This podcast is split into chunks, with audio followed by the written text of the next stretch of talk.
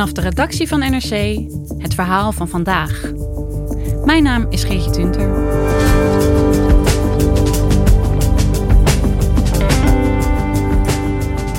Vandaag begint het proces tegen Alexei Navalny, de Russische oppositieleider die het gezicht is geworden van de weerstand tegen Poetin. Met zijn slimme gebruik van sociale media bracht hij tienduizenden mensen in heel Rusland op de been. Maar kan hij zijn momentum nog vasthouden nu hij de gevangenis dreigt in te gaan?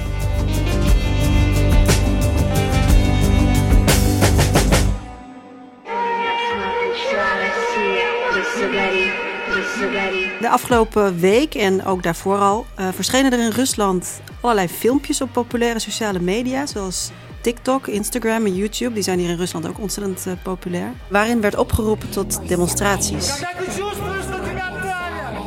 En zo zag je bijvoorbeeld een jongen die mensen opriep om melk mee te nemen. Want melk zou helpen tegen traangas in je ogen en, en pepperspray van de politie. Eva Kokier is NRC-correspondent in Rusland. En in een ander filmpje instrueert een meisje hoe je kunt doen alsof je een Amerikaanse toerist bent.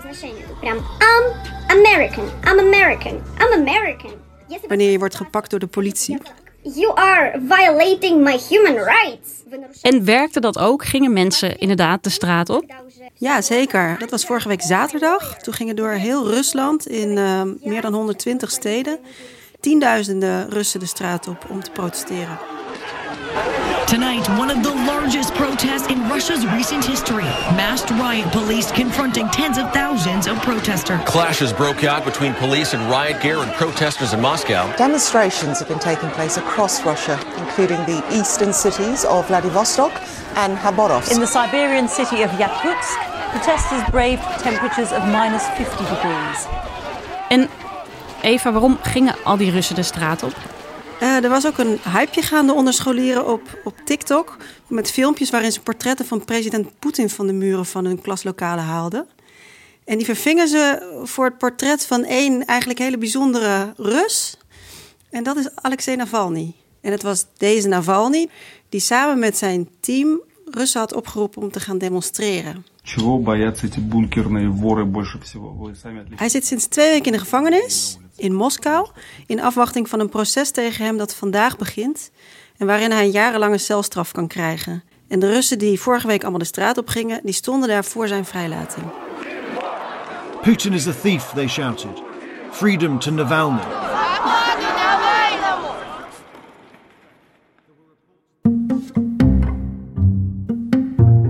Waarom krijgt hij nou juist zoveel mensen op de been? Alexei Navalny is eigenlijk de meest prominente oppositiefiguur van Rusland van dit moment. Hij is een heel charismatische en extreem slimme en heel energieke politicus, een activist. Een eh, hele lange blonde veertiger die onderzoek doet naar corruptie en misdaden in de entourage van president Poetin. En die opmars van Navalny begon al, al wel 15 jaar geleden, zo rond 2006. Want toen begon hij als blogger, uh, dus eigenlijk gewoon als een soort online journalist, filmpjes op te nemen waarin hij ageert tegen de regering van Poetin en opriep tot politieke verandering in het land. Maar pas uh, rond 2011 en 2012 werd hij echt bekend. Want toen had Poetin eigenlijk via een reeks handige politieke moves en fraude bij parlements- en presidentsverkiezingen, uh, had hij zichzelf opnieuw tot president laten kiezen. Terwijl het eigenlijk helemaal niet mocht. En dat leidde tot hele grote aanhoudende protesten, vooral in Moskou. En een van de leiders van die protesten was Navalny.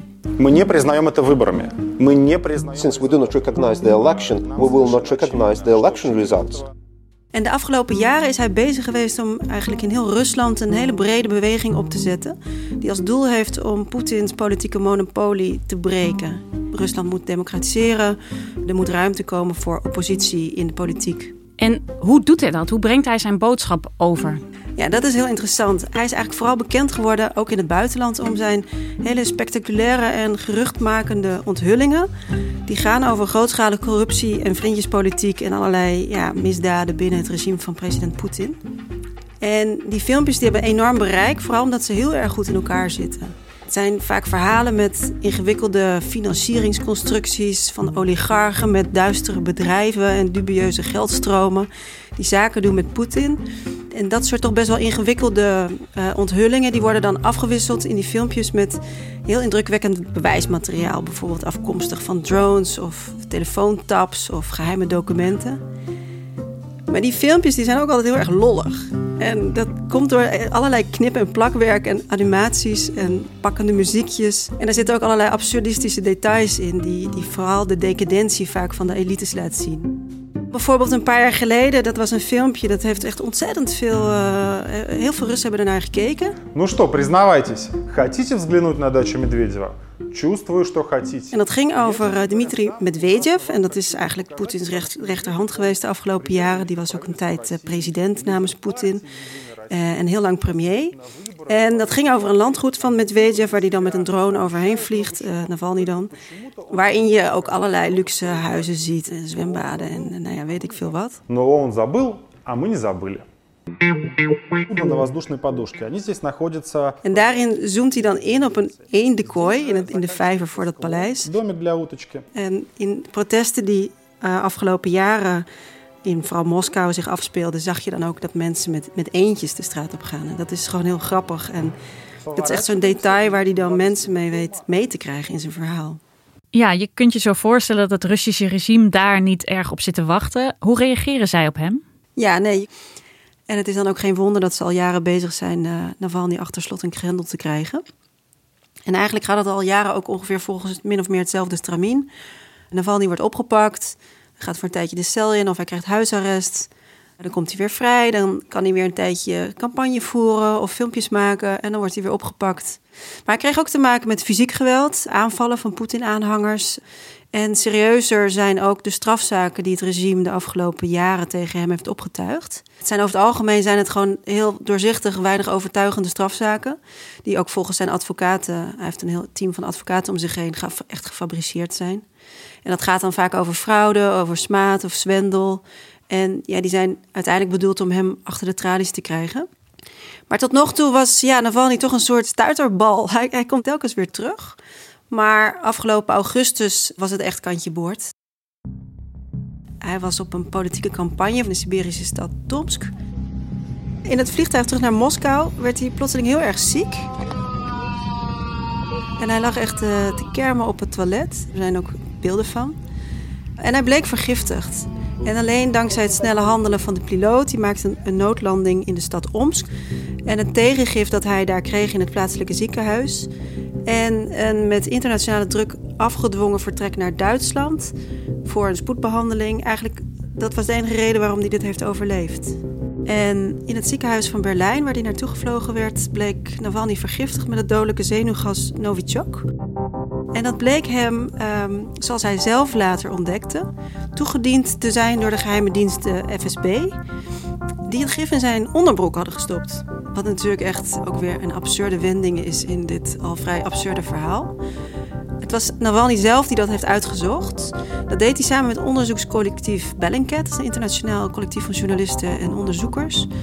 En met hun samen heeft hij de agenten weten op te sporen van de geheime dienst de FSB, die hem hadden gevolgd in Siberië.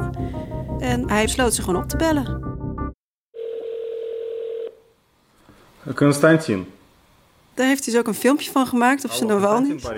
Hij besloot ze op te bellen en zich voor te doen als een meerdere in rang. Dus een, een soort FSB, uh, hoge pief binnen het Kremlin. Здрасте, меня зовут Устинов Максим Сергеевич. Die, die belde een van die FSB-agenten die betrokken was bij die vergiftiging. Die zei van, goh, ik ben bezig met een rapport te schrijven voor onze hoge baas.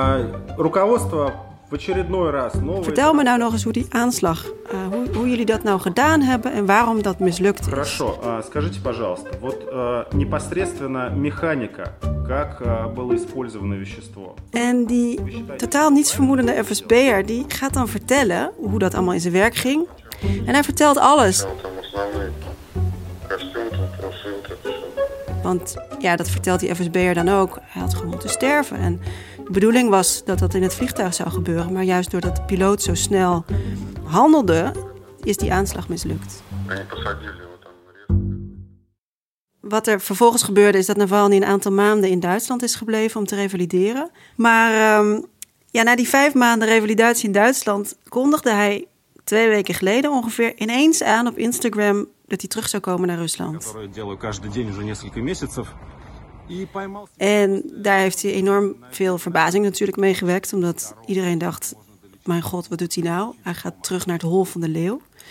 Maar hij deed het toch.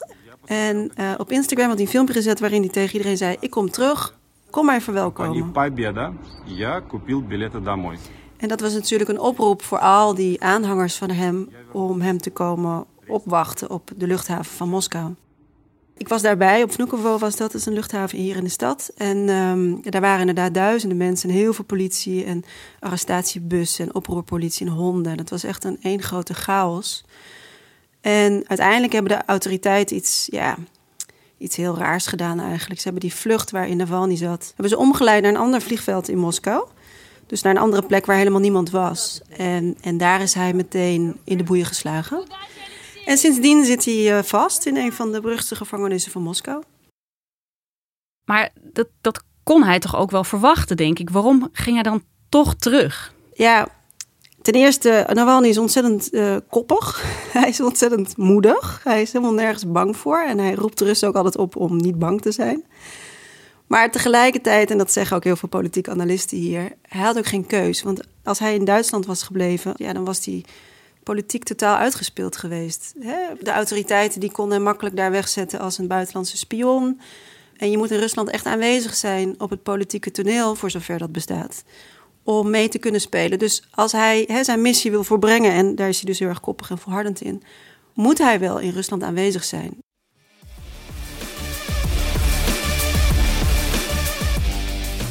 Все говорили, что снять это невозможно. Maar zelfs in de cel had Navalny nog een troef achter de hand, zo bleek. Twee dagen na zijn uh, detentie of veroordeling tot 30 dagen voorarrest, publiceerde zijn team, hij heeft een heel team om zich heen, een hele spectaculaire twee uur durende documentaire over een geheim paleis aan de Zwarte Zee. Dat via allerlei fraudeleuze constructies zou toebehoren aan president Poetin. En het middelpunt is dan weer, net als in het geval van Medvedev, een, ja, een, belachelijk decadent paleis. Met gouden kranen en nachtclubs, een filmzaal en een gigantisch theehuis, uh, helikopterplatforms, een wijngaard, geheime tunnels naar de zee. En die documentaire werd een hit en, en die is nu al 100 miljoen keer bekeken. En hij laat bijvoorbeeld dan een Italiaanse wc-borstel zien van 700 euro die in dat paleis uh, staat op de wc. En ook dat wordt dan meteen weer opgepikt door het publiek. En je zag dat tijdens de demonstraties van vorige week er allerlei mensen de straat op gingen met wc-borstels, goud geschilderd of gewone wc-borstels. Maar net als met die badeentjes is dat dan ook weer zo'n ja, zo'n detail wat mensen er dan uitpakken en wat ook weer ja, het regime belachelijk maakt. En dat effect dat Navalny heeft op mensen, de manier waarop hij mensen op de been krijgt, hij is nergens bang voor. Is dat ook een van de redenen dat het Kremlin juist bang voor hem is? Ja, absoluut. Het Kremlin is vooral bang voor wat Navalny teweeg zou kunnen brengen. En dat is sociale onrust in het land. En dat is iets waar het Kremlin, uh, Poetin en uh, iedereen om hem heen al jaren heel erg bang voor is.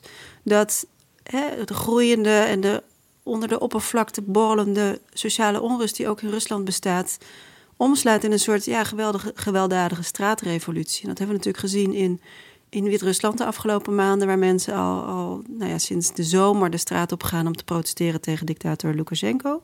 En ja, dat is toch wel het grote schrikbeeld van het Kremlin. En je ziet dat ze dus ook heel erg bang zijn uh, voor een vergelijkbaar scenario in eigen land.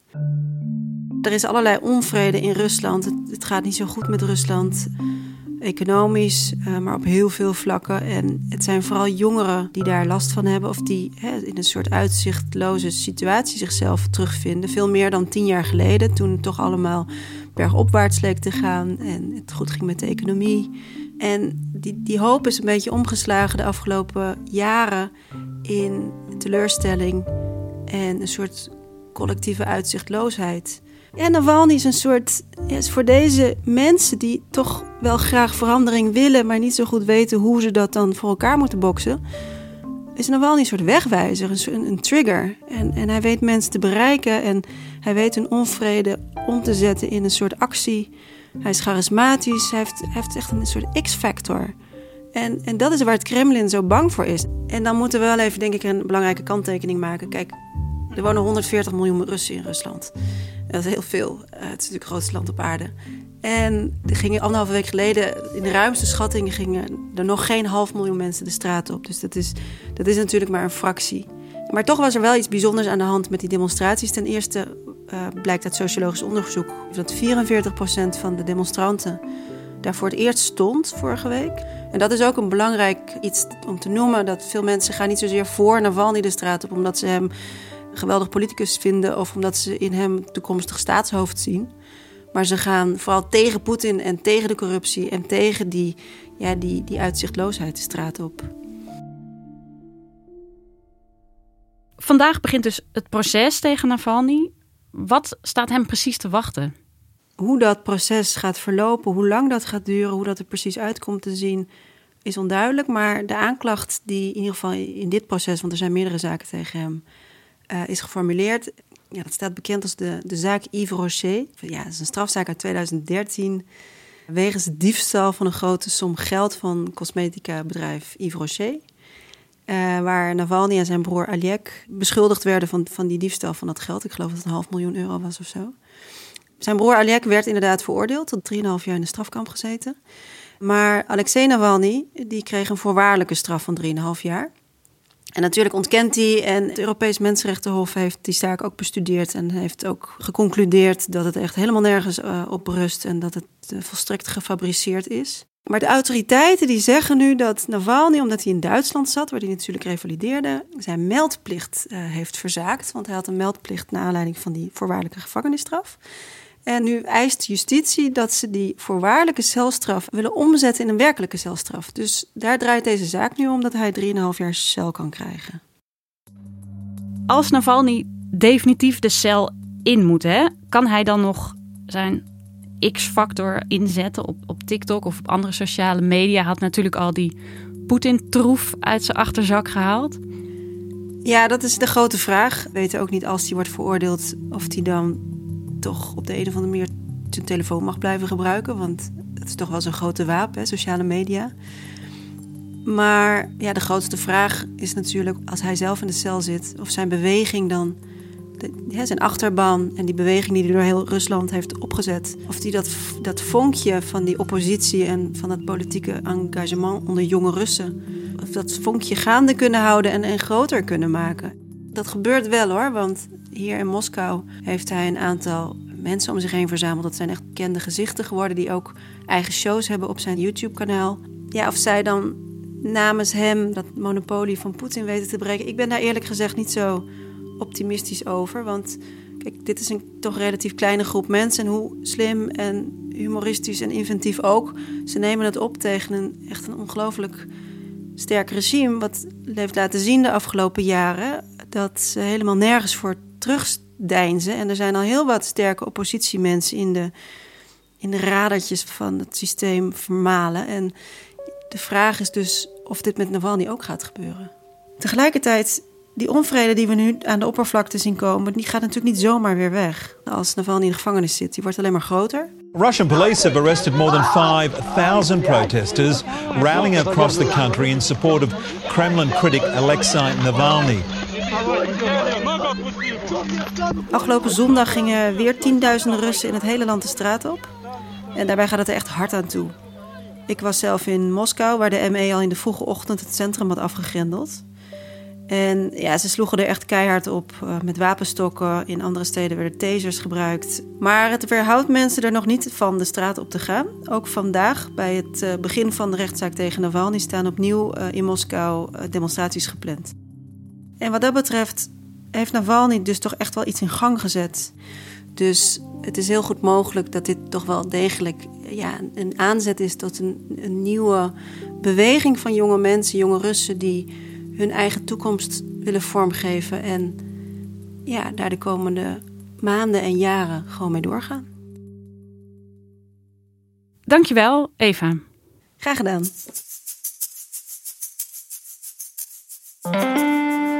Je luisterde naar vandaag, een podcast van NRC. Eén verhaal, elke dag. Deze aflevering werd gemaakt door Ido Havinga en Jeroen Jaspers.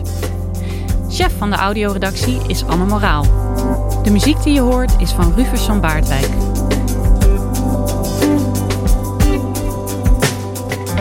Dit was vandaag, morgen weer.